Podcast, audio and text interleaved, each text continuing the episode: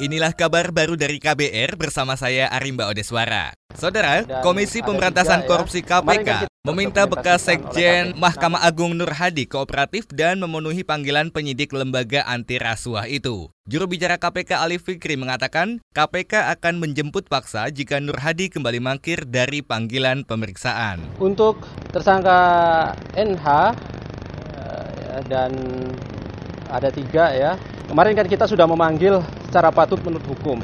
Sudah ada tanda terimanya dan sudah terdokumentasikan oleh KPK. Namun kemudian eh, tersangka tidak hadir.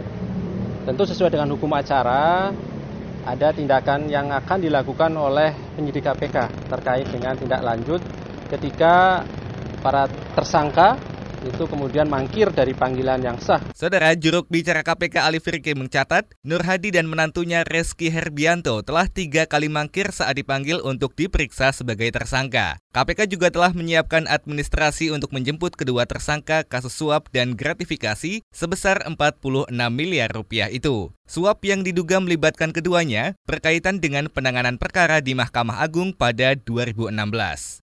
Kita beralih ke informasi saham saudara. Indeks harga saham gabungan IHSG hari ini dibuka di zona hijau. Laporan selengkapnya disampaikan jurnalis KBR Valda Kustarini. Pada pembukaan pasar spot Selasa 4 Februari di Bursa Efek Indonesia, indeks harga saham gabungan atau IHSG dibuka di zona hijau. IHSG pagi ini dibuka di level 5.947,51. IHSG menguat 63,34 poin atau 1,08 persen. Pada penutupan kemarin, IHSG masih berada di sentimen negatif dengan menunjukkan penutupan di level 5.884,17, pelemahan 0,94 persen atau 55,88 poin. Sementara itu menurut pantauan KBR, nilai tukar rupiah terhadap dolar Amerika Serikat melemah pada pembukaan perdagangan hari ini. Rupiah melemah 0,04 persen atau turun 6 poin menjadi 13.748 rupiah per dolar Amerika Serikat. Pada minggu ini posisi rupiah masih tertekan. Pada perdagangan Senin kemarin, nilai tukar rupiah ditutup di level 13.742 rupiah per dolar Amerika Serikat dengan pelemahan 87 poin poin atau 0,64 persen. Dari Bursa Efek Indonesia, Valdo Kustarini, KBR. Kita beralih ke Jawa Timur, Saudara. Komite Olahraga Nasional Indonesia, KONI Jawa Timur, menarik pemainnya yang melakukan pemusatan latihan di Cina beberapa waktu lalu. Menurut Ketua KONI Jawa Timur, Erlangga Satriagung, langkah itu dilakukan karena khawatir akan penyebaran virus corona yang menjadi pandemi di kota Wuhan, Provinsi Hubei, Cina. Kita sejak awal sudah diperintahkan oleh gubernur untuk menarik semua atlet dan pelatih kita yang sedang TC di China.